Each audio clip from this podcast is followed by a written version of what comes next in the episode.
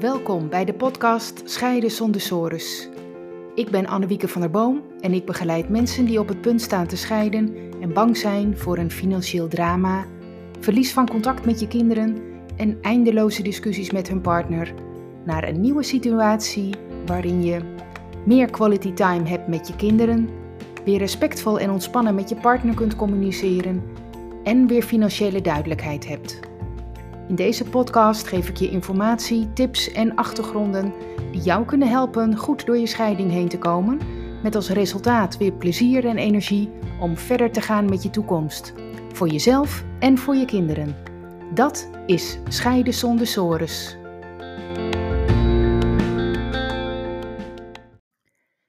Wil jij van je rugpijn af of loop je er toch liever mee door? Ik heb thuis zo'n mooi oud bureau het is nog van mijn opa geweest, dus het gaat al heel wat jaren mee. Ik heb het uh, mooi geschilderd in een uh, donkerblauw, turquoise-achtige kleur. Nou, hartstikke mooi. En uh, daar wilde ik dan een mooie, moderne bureaustoel bij hebben. Wel één natuurlijk die goed zit, want ik weet uit ervaring dat als ik een paar uur op een bureaustoel zit die niet goed past, dat ik er gratis rugpijn bij krijg. Nou ja, normaal als ik iets nodig heb, dan ga ik naar een goede winkel, vraag ik ook goed advies. Of ik kies een goed merk, zodat ik weet nou, dat het gewoon uh, dat het product goed is. Maar nu werd ik toch getriggerd door zo'n zo'n pagina grote advertentie in de krant van, van een soort superdeals.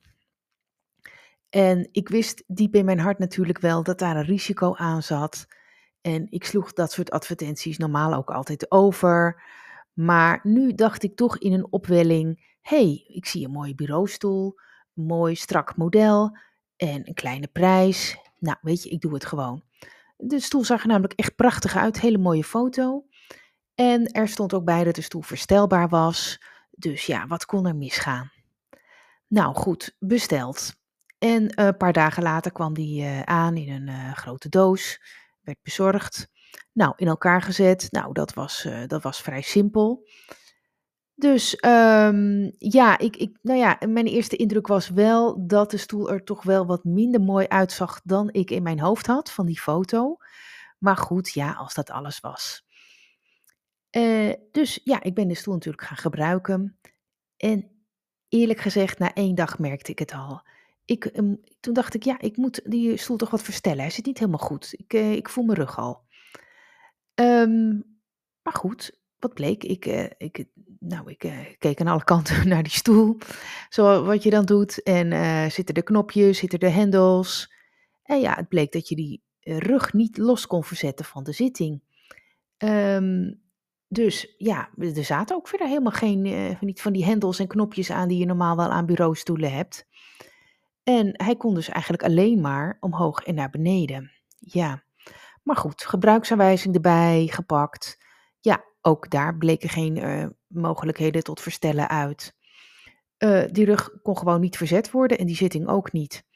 Armleuningen ook niet.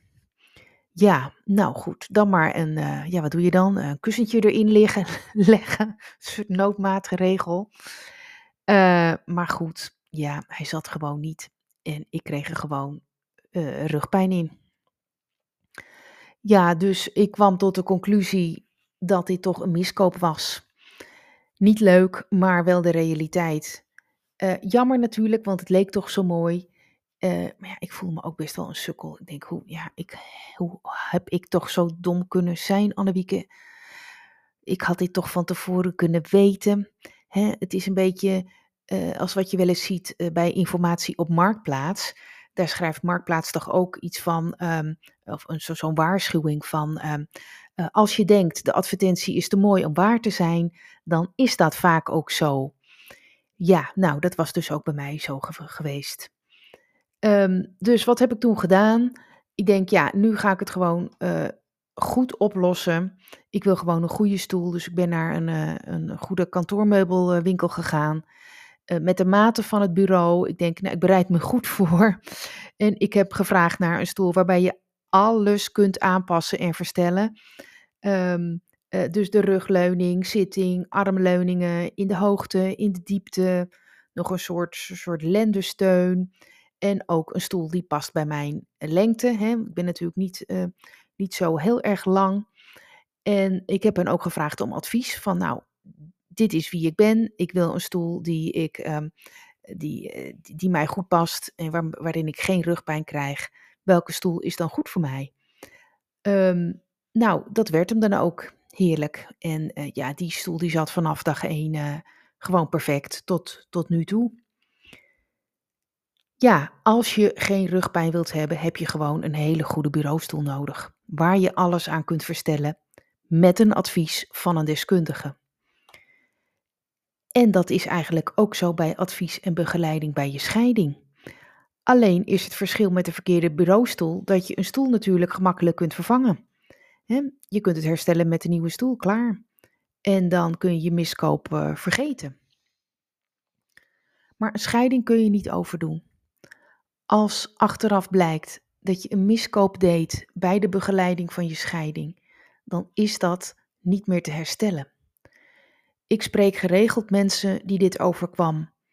Die waren dan bij een andere mediator geweest, die achteraf toch niet zo deskundig bleek als ze hadden gehoopt. Het bleek dan nu dat er bijvoorbeeld dingen over het hoofd waren gezien, essentiële onderdelen. Of het bleek dat de mensen te snel beslissingen hadden genomen om maar snel klaar te zijn, of om discussie uit de weg te gaan. dat is vaak de makkelijkste manier op dat moment. maar het gevolg was dat ze veel geld misgelopen waren, of juist te veel hadden betaald. En dat was dus niet alleen een financieel, uh, financiële tegenvaller, maar daarmee was ook het vertrouwen in de ex-partner beschadigd. En daarmee ook weer de goede communicatie. En dat is dan bijna nooit meer te herstellen. Financieel niet, maar ook qua communicatie niet. Dat is vaak onherstelbaar verstoord dan. En um, ja, de mensen die ik begeleid, hè, nu met mediation, die beseffen dit. En die nemen het zekere voor het onzekere. Daar kiezen ze bewust voor.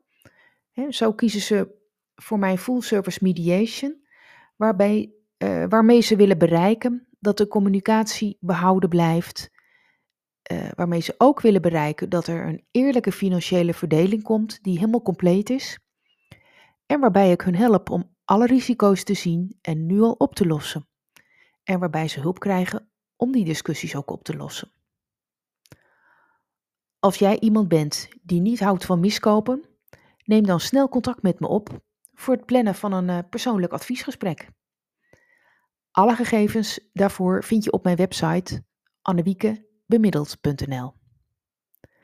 Bedankt voor het luisteren en tot de volgende aflevering.